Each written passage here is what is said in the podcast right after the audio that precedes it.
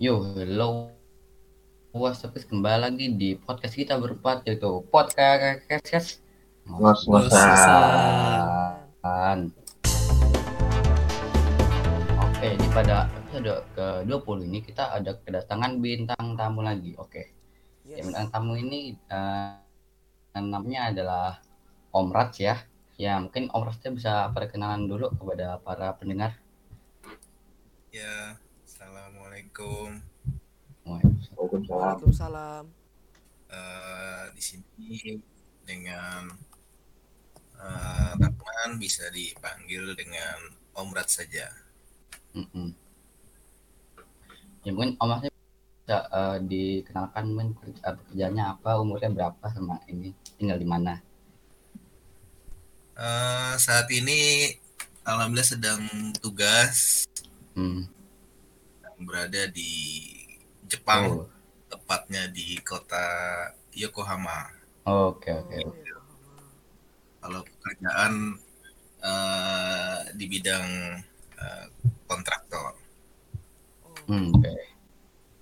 Kalau kontraktor bisa ini nggak om menjelaskan seperti apa mungkin? Apanya? Maaf. Yang pekerjaannya bang mungkin dari pendengar ada yang belum mengerti ya dia jadi kontraktor uh, ya? Ya, jadi kontraktornya itu untuk uh, oil and gas gitu.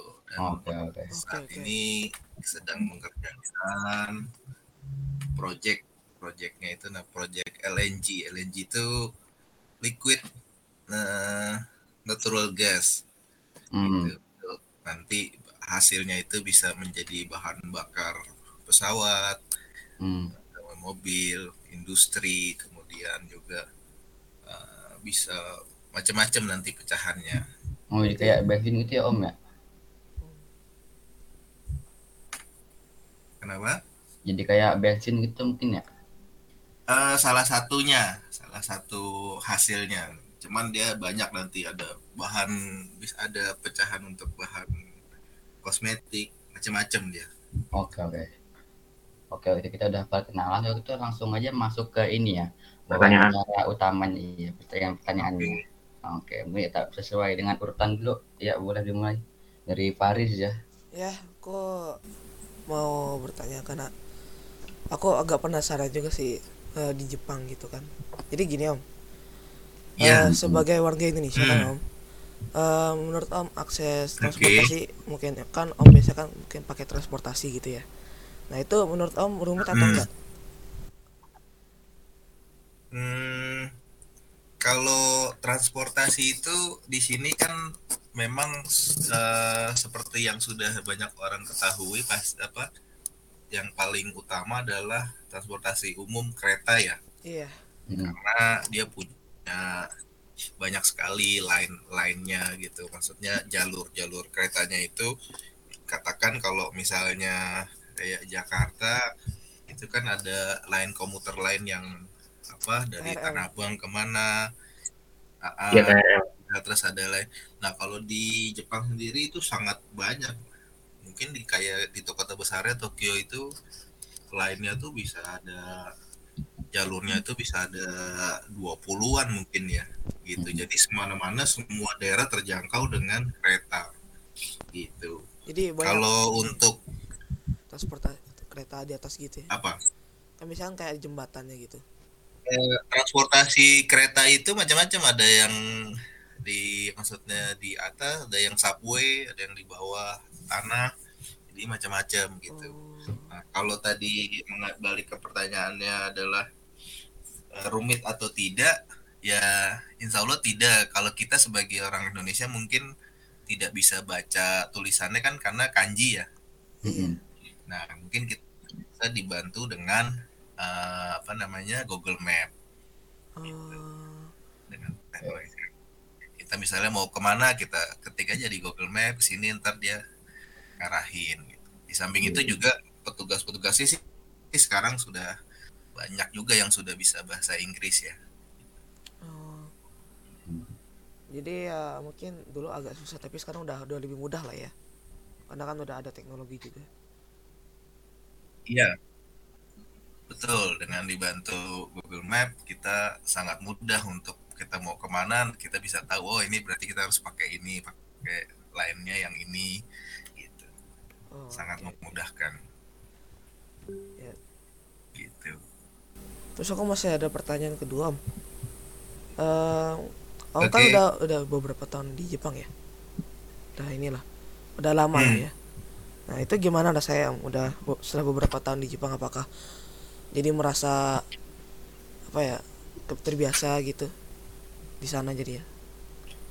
Ya ya. Pasti berubah. gitu. eh, alhamdulillah pertama di sini tidak apa sebenarnya ada teman-teman dari Indonesia juga baik yang dari satu apa pekerjaan satu kantor ataupun teman-teman yang dari apa eh, luar kantor gitu. Orang-orang Indonesia maksudnya. Jadi eh, ya itu yang cukup mungkin kita bisa apa namanya bisa survive ya di sini. Termasuk juga terutama kan mungkin masalah makanan gitu. Kemudian masalah apa eh, ibadah gitu kan. Ya itu kita di sini udah sudah terutama kita untuk orang muslim sudah sangat mudah mendapatkan makanan halal kemudian masjid juga sudah agak banyak Mhm. Oke oke. Jadi eh, mungkin kayaknya itu aja sih Oke. pertanyaan saya. Lanjut. Pertanyaan aku. Oke lanjut ya. Oke. oke Ya, itu giliran aku ya. Oke, aku ada pertanyaan nih sama Om Rats. Ya, Hmm. kan kamu ini waktu awal-awal kan pastinya udah tinggal dan besar di Indonesia kan ya. Nah, ya. Ini ada kesan awal-awal waktu Om hidup di lingkungan yang berbeda itu gimana? Mulai dari bahasanya, iklimnya, dan juga orang-orang kayak gitu. Oke, eh kalau emang betul ya, jadi perbedaan kita saat berada di lingkungan yang baru, ter- maksudnya terutama di negara yang baru, tadi bertemu dengan eh, iklim yang berbeda, Mhm. eh, masyarakatnya juga, ya kita eh dari awal mungkin sudah mencoba ini apa eh, sebelum kita berada di sini mungkin sudah mencari tahu dulu nih kayak iklimnya kayak apa suhunya berapa. Oh berarti apa yang perlu kita persiapkan gitu kan Mhm. kayak misalnya ada musim dingin kayak sekarang nih sekarang suhunya nih eh, di bawah 5 derajat Oh, aduh. gitu jadi berarti kita harus apa jaket dan lain sebagainya Dingin gitu juga berarti ya. dan untuk kenapa Dingin juga berarti di sana ya. dingin dingin dingin banget gitu Sampai ada salju ya, Om ya? Iya. kemarin sempat kemarin sempat apa turun dikit di perkiraan cuacanya sebenarnya agak deras cuma ternyata enggak gitu jadi Oh, cuma sedikit oke. aja dia Oke oke oke. di, di- kota di kotanya ya terutama gitu Hmm. Nah, untuk masyarakat ya, itu kita tipikalnya apa sih orang apa namanya orang di sini oh gini jadi kita eh, ya mungkin di awal kita lebih ini sebagai pendengar dulu cuma Mhm. mungkin ya berani aja kita ngomong untuk menginikan sesuatu terutama untuk orang Jepang ya Iya. itu eh, ya kita coba untuk bicara aja gitu ada sesuatu apa kita bicara gitu Oke. Oke, itu kita lanjut ke pertanyaan kedua ya. ya Eh, menurut Om, kira-kira ada ini nggak perbedaan sama anak-anak remaja seumuran kita kita ini di Indonesia sama di Jepang? Hmm, eh, secara ya mungkin lihatnya sekilas ya. Hmm. Kalau pertama mungkin di eh, mau ininya di pendidikan sama di eh, main ya. Hmm. Nah, untuk pendidikan itu mereka mungkin kita hampir sama dari level jenjang eh, SD, SMP, kemudian SMA-nya. Nah, itu juga tahunnya eh, kayaknya sama gitu, enam tahun, kemudian tiga tahun sama di SMP dan SMA Iya. gitu. Eh, cuma mereka mungkin eh, yang saya dengar untuk pendidikan itu eh, ya bagus, mungkin bagus ya ininya uh, sudah sistemnya itu sudah sama semuanya gitu. Mm-mm. Jadi hampir semua murid yang ada di Jepang itu menerima uh, kurikulum yang katakan pendidikan tuh hampir sama semua. Oke. Nah, yang kedua kalau anak-anaknya mereka memang dibiasakan untuk dari kecil itu disiplin Iya ya. gitu. Yang kedua uh, apa tidak banyak main. Contoh misalnya anak SD gadget ya. Mm-mm. Mereka di, ada handphone karena dan mereka pergi sekolah itu sendiri sudah Mm. dari kecil tuh kadang ada masih kecil kayak mungkin TK atau SD kelas 1 kali ya naik kereta sendiri gitu Mm-mm. dan punya apa namanya punya handphone tapi handphonenya itu khusus cuma bisa buat telepon mungkin sama SMS gitu. Oke. jadi ya belum mengenal yang macam-macam gitu. jadi ya itu mungkin ya ininya mereka. Jadi mengajarkan kedisiplinan kemandirian. Kalau bawa tas juga mereka ada sama orang tuanya misalnya tidak dibawain. Gitu, tasnya. Tasnya ya dibawa sama sendiri. Iya. walaupun masih kecil. Oke oke. iya. Kurang lebih begitu. Oke oke. Kalau gitu aku nih ada pertanyaan terakhir Om yang pertanyaan ketiga. Iya. Om ada suatu perasaan gitu nggak kalau misalnya jauh dari keluarga, apalagi udah beda ini, beda negara. ya itu itu Hmm. pasti ya mungkin eh apa dengan jauh dari keluarga rasa Hmm, kangen gitu kan iya. dan ingin bertemu dan lain sebagainya itu itu pasti gitu dan tapi alhamdulillah mungkin untuk saat ini ya itu ke apa eh, teknologi itu sudah sangat canggih lah katakan. Iya. sudah bisa uh, video call sudah apa dengan biaya yang tidak uh, mahal gitu kan. Kita bisa video call dan lain sebagainya setiap saat kapan pun di mana pun. Hmm, jadi mungkin itu yang cukup apa uh, bisa membantu. Cuman memang uh, ada hal-hal yang tetap uh, tidak bisa digantikan ya gitu. Artinya memang di situ ada apa eh, untuk ya ada kurang lebihnya lah gitu Oke. Apalagi udah ini ya Om ya, udah ada pakai tadi di video call, uh, udah apa namanya juga kayak gini kan kayak gini contohnya dari Iya dulu gitu. betul Iya. Hmm. Ya, mungkin mungkin gara-gara pandemi dia mungkin agak lebih susah Om ya buat apalagi kan keluar masuk keluar masuk gitu. Ah ya betul jadi eh, biasanya mungkin bisa apa berkunjung ke sini yang dari apa dari Indonesia cuma sekarang kan Jepang masih Iya. tidak memperbolehkan untuk eh, yang pakai visa untuk bisnis atau untuk Iya. turis ya wisata hanya boleh yang sudah punya apa eh, resident card di sini gitu. Oke. Oke, makasih Om. Pertanyaanku udah terjawab semua. Oke. Kalau itu kita lanjut ke pertanyaannya punya Mora. Iya, silakan Mora. Iya. Ya. uh, jadi aku ada satu pertanyaan aja sih Om uh, tentang Oke. kalau tadi udah sebut juga sih sebenarnya tapi aku agak pengen lebih itu lagi. Uh, Om kan sebagai Muslim ya di Jepang itu agak susah nggak sih Om untuk beradaptasi di daerahnya Om itu, terutama di daerah Om gitu. Oke. mungkin kalau mau makan apakah Om harus masak sendiri gitu? Hmm. Ya. Ya, jadi eh, sebagai muslim mungkin kita punya beberapa aturan. Yang pertama adalah mungkin dari ibadah ya, gitu kan ibadah. Eh, untuk di kantor sendiri alhamdulillah disediakan tempat untuk kita jadikan musola. Nah, di kita ada di itu ada beberapa orang Indonesia, teman-teman muslim Indonesia dan ada dari juga negara lain seperti dari Maroko, dari Pakistan, terus dari Mesir gitu. Nah, di musola itu kita juga akhirnya bikin eh, untuk media eh, sholat Jumat. Hmm. gitu. Nah, untuk di luar kantor sendiri, alhamdulillah juga mungkin cukup banyak ya di di daerah terutama di daerah Yokohama Tokyo sendiri. Hmm. dan jadi uh, kita bisa juga uh, berkunjung ke masjid. Kayak kalau misalnya libur di hari Jumat juga bisa sholat di situ. Kemudian sholat idul apa sholat tarawih atau sholat idul fitri idul adha juga bisa kita lakukan di sana. Oh, Oke.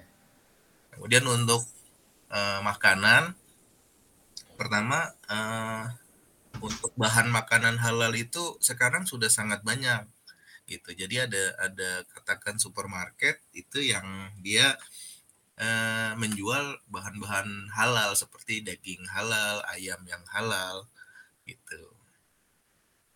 Hmm.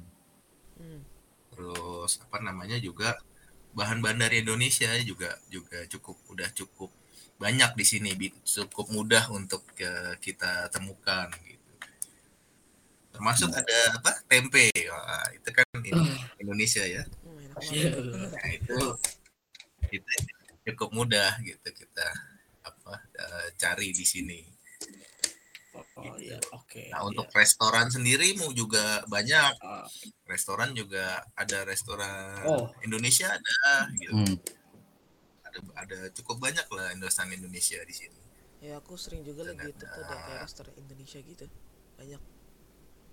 Ya, ya Hmm. betul. Gitu.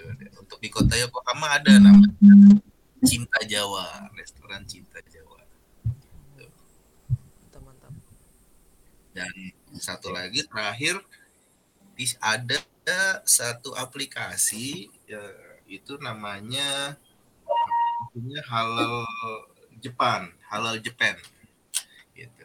Nah, kalau kalau misalnya ini coba dilihat nanti nah, di situ ada maka apa dia eh, aplikasi itu untuk mengetahui atau memberikan informasi untuk makanan-makanan yang ada di kan ada kayak convenience store itu kayak di sini kan banyak ada Family Mart kayak di kalau Indonesia Al Alfamart gitu kan Indomaret gitu ya.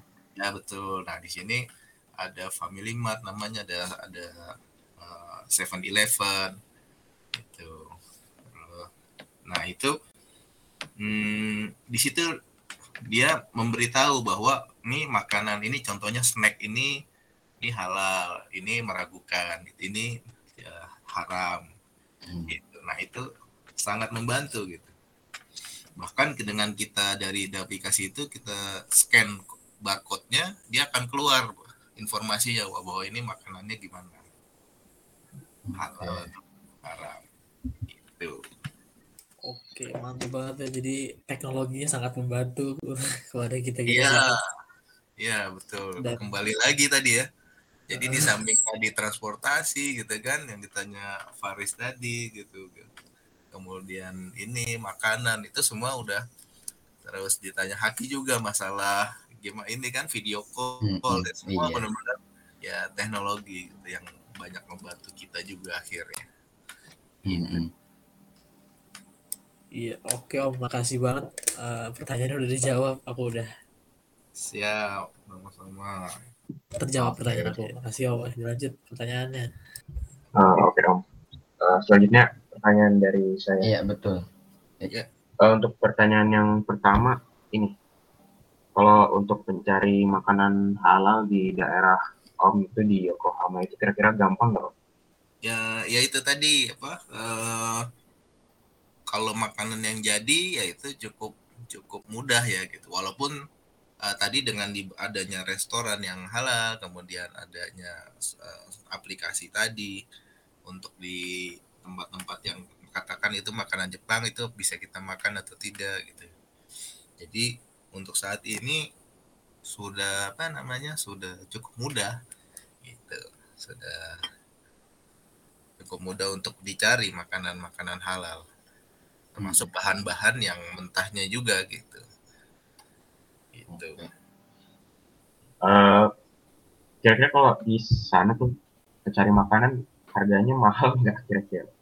nah kalau kalau bicara harganya ya jadinya udah pasti jatuhnya lebih mahal ya Oh, Sebagai contoh misal eh apa namanya mie instan nih mie instan mie instan itu di sini dihargai eh, 150 yen Hmm. Hmm. 150 yen kalau kurs yang sekarang tuh mungkin sekitar 125 ya. Berarti berapa tuh? Berapa nih? 150 kali 125. Berapa ya? Aduh, berapa ya? Sekitar sekitar 700 eh 17.000 ribu ya. Oh, Ya nggak? itu bisa bisa dapat ini bisa dapat lima itu kalau di sini. Ah, berarti kalau di sana bisa dapat 5 iya. gitu. Kemudian kalau restoran, contoh apa ya? Hmm, nasi padang. Hmm. Nah, modelnya nasi padang. Tapi nasi padangnya jangan dipikir nasi padang yang kayak di Indonesia, sebenarnya ya tetap dia ada bumbu padangnya gitu kan. Terus kalau lauknya tuh ada bisa ada rendang gitu kan, ada kering tempe gitu. Nah, itu dihargai 1250 yen. Berarti berapa tuh? Kali 1000. Eh kali 1000, kali 125. Berarti seribu seribu yen ya? Ah, ah, kalau 1000 yen aja berarti berapa? Seribu yen. 125 ribu kan? Iya, seratus dua puluh lima ribu. Iya, 125 ribu berarti. Nah, berarti atau sekitar 150 ribu berarti tadi karena 1250 Mm-mm. itu. Nah, itu kita bandingkan dengan nasi padang di Indonesia tuh. Waduh. 30 ribu kan, Pak udah bahkan di beberapa tempat 15 ribu udah ada ya. Iya, banyak dapat ininya. sepuluh itu kali. Iya udah banyak isinya. Kenyang. Iya. Gitu. Setraktir. Iya. Jadi kalau dari harga ya ki- kita jangan pikir makan apa di ini harganya harga Indonesia dan nggak kemakan jadinya Mm-mm. gitu. Eh, Oke Om, Eh, buat pertanyaan terakhir nih, Ya. kalau pas di Jepang tuh pas keadaan pas saat awal-awal corona tuh gimana? Apakah langsung lockdown Hmm. atau gimana? Oke. Eh, pertama apa ya untuk Jepang sendiri itu eh, cukup bagus ya penanganan terhadap hmm, pandemi ini corona. Mm-mm. Yaitu eh, pertama mereka memang terbiasa disiplin untuk memakai masker ya. Jadi sebelum corona pun di Jepang itu hal yang biasa orang memakai masker gitu. Ke mana-mana. Itu udah. Jadi saat di, di- ada instruksi untuk pakai masker tuh otomatis tidak tidak sulit lagi bagi masyarakat di sini untuk pakai masker Hmm. Itu yang ke- kemudian kalau ada orang yang apa bergejala gitu kan itu penanganannya sangat cepat. Tuh langsung dijemput oleh petugas langsung ditangani dibawa ke misalnya harus dibawa ke rumah sakit langsung dibawa ke rumah sakit gitu. Jadi saat awal-awal itu eh, saat banyak case-nya sangat mulai banyak wah itu kita bisa mendengar suara ambulan tuh setiap saat itu setiap waktu. Oh, gitu. Nah, kemudian apa namanya untuk terhadap eh, proteksi negara dengan negara lain ya itu langsung memper- memperlakukan sistem lockdown. Artinya dari negara luar tidak bisa masuk gitu. sampai saat ini ya tapi mungkin saat ini ya tadi untuk yang sudah punya resident card tuh karena ya kembali untuk katakan eh, pulang sementara ya bisa bisa diperbolehkan balik lagi tapi dengan syarat apa eh, saat di bandara harus PCR gitu Mm. hmm. ya mungkin sama sekarang di Indonesia pun sudah begitu juga Iya, tes dulu ya sebelum berangkat. Iya. Tapi ya secara ininya lebih bagus gitu. Jadi eh, cepat, kemudian juga eh, bersih dan lain sebagainya. Ya ininya Jepang lah standarnya kurang lebih begitu. Oke. Iya. Kalau itu waktu awal-awal cari masker susah nggak Om? Pas awal-awal corona. Maksudnya kan kayak di Oh. Indonesia kan pada orang pada rebutan masker Iya, gitu, pada, masker gitu. ditimbun-timbun gitu ya. Iya. Nah, Oke. Eh, untuk di mana? Di sini itu justru malah awal-awal itu kita dikasih Hmm. gitu. Untuk itu di kantor ya di kantor tuh eh, semua ini dikasih dua dua bungkus saat itu gitu. Ya satu bungkusnya seisi 20 atau 30 lah gitu. Nah, cuman setelah itu di apa di luar kita mau cari beli itu nggak nggak nggak nggak sulit ya. Sangat sangat mudah. Ya itu tadi karena mungkin memang sudah di sini sudah terbiasa Iya, iya. orang itu pakai masker gitu walaupun sebelum pandemi gitu. jadi sangat mudah Oke. Oke, itu aja sih Om pertanyaannya. oke Masih Om pertanyaannya. Eh, jawabannya. Ini jawabannya. Ah, iya. Ya sepertinya udah nggak ada lagi yang mau ditanyakan ya. Udah nggak ada. Mungkin dia mau tambah. Dari aku nggak ada. Hmm. Mungkin Oke. tambahan informasi apa ya? Eh, tentang ini ya, kalau saya kita di tambahan untuk kita berada di sini itu kan eh, mungkin kita punya katakan hobi ya, terutama yang hobi olahraga gitu ya. Itu mungkin di sini cukup mudah gitu, cukup.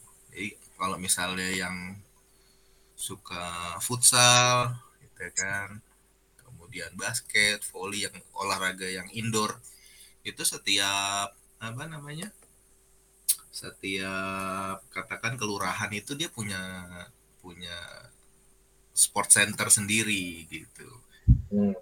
dan ininya bagus Keren banget ya. lapangan- lapangannya Iya. semua bagus dan standar semua sama bahannya tuh apa eh, da- dasar lapangannya itu ini kayu gitu. Jadi sangat empuk gitu sangat nyaman. Dan Kalau bagus di, bagus kalau di sekali. Indonesia pada pakai ini ya semen biasanya ya buat bawahnya. ya kadang Lantainya. kan betul kadang kan kita masih banyak untuk kayu tuh sangat jarang ya. Iya. Karena sangat mahal. Nah kalau di sini jadi kayak standarnya begitu. Tapi mereka eh, kan kayu berarti kan kalau kalau dia berdebu itu kan licin Mm-mm. itu kan jadi perlu dijaga. Nah, setiap yang makai sebelum dia ada 10 menit katakan dia bermain dari jam 9 sampai jam 11. Nah, sebelum jam 11, 10 menit sebelum jam 11 itu sudah stop. Nah, sisa 10 menit itu dipergunakan untuk membersihkan lapangan oleh si pemakai tadi. Ah, Jadi di situ Oh. ada ada. Tanggung jawab Iya. sekali habis memakai langsung dibersihkan lagi. Iya. iya. Iya, jadi kita langsung apa yang pakai itu ada sekitar 5 atau 6 pel, ya udah langsung semua di pel gitu. Jadi lapangannya benar-benar tidak berdebu, terus bersih ya, terjaga bersihnya. gitu. Oh, berarti tang tanggung jawab Gitu. besar itu benar-benar tinggi ya. Ini buat cukup banyak gitu. Ya, jadi benar-benar. Nah itu mungkin efek dari tadi yang ditanya oleh Haki ya. Ya yang disiplin teh om ya. Pendidikan, ah, pendidikan di ini gimana ya itu anak-anaknya mungkin sudah dilatih untuk disiplin, sudah dilatih Iya. mandiri tadi. Jadi ya itu hal yang biasa mereka lakukan kayak gitu. Oke. Gitu. Tentu saja ya Jepang bersih banget bersih. Iya. Orang-orang sana mandiri juga gitu. Iya. Hmm, apa tempat bersih itu justru lucunya apa? Tempat sampah itu sangat susah ditemui. Mm-mm. gitu jadi eh, ya akhirnya sampah itu disimpan gitu kita kantongin atau kita bungkus masukin tas dulu nanti di rumah baru kita Iya. buangnya di rumah kalau gitu kalau ada kalau udah ada tempat sampah baru kita buang gitu. ya kalau memang ada cuman sangat sangat sulit ditemukan tempat sampah Hmm. Gitu dia Iya. Dia udah nggak ada lagi ya yang mau mau ditanyakan. oke Ah, udah, aku mau bilang Iya, makasih Om. Iya. karena udah mau sharing-sharing ya Iya, makasih, Om. Iya, udah Jepang. sama-sama Iya, makasih, Om. Kita. Mau udah- diundang ke ini podcast kita. Iya. Iya. terima kasih sudah diberi kesempatan juga Iya, buat bergabung ke diundang ke podcast Iya, kita. podcast kita ya. podcastnya ya semoga Iya. berkembang sukses podcastnya memberikan Amin, yang baik, informasi dan Ya, Amin. Ya, Om. Iya, apa, makasih Om. buat masyarakat umumnya Iya, itu langsung closing aja kita ya kalau gitu. Iya. oke Iya, oke guys, terima kasih yang udah mendengarkan sampai sejauh ini. Kalau kalian sudah mendengarkan sampai sejauh ini, jangan lupa untuk uh, follow Spotify kita juga dan juga follow Instagram kita. Iya. Ya, juga ada link di Instagram kita yang buat kalian mengisi masukan atau uh, kritik Saran. di situ. Nanti Yes, saran. iya, saran atau kritik. Nanti kalian cari aja di link yang ada di Instagram kita @ngos-ngosan podcast nggak ada spasi, nggak ada underscore, nggak ada titik. Iya kalau gitu kita langsung aja kita jumpa lagi di episode kedua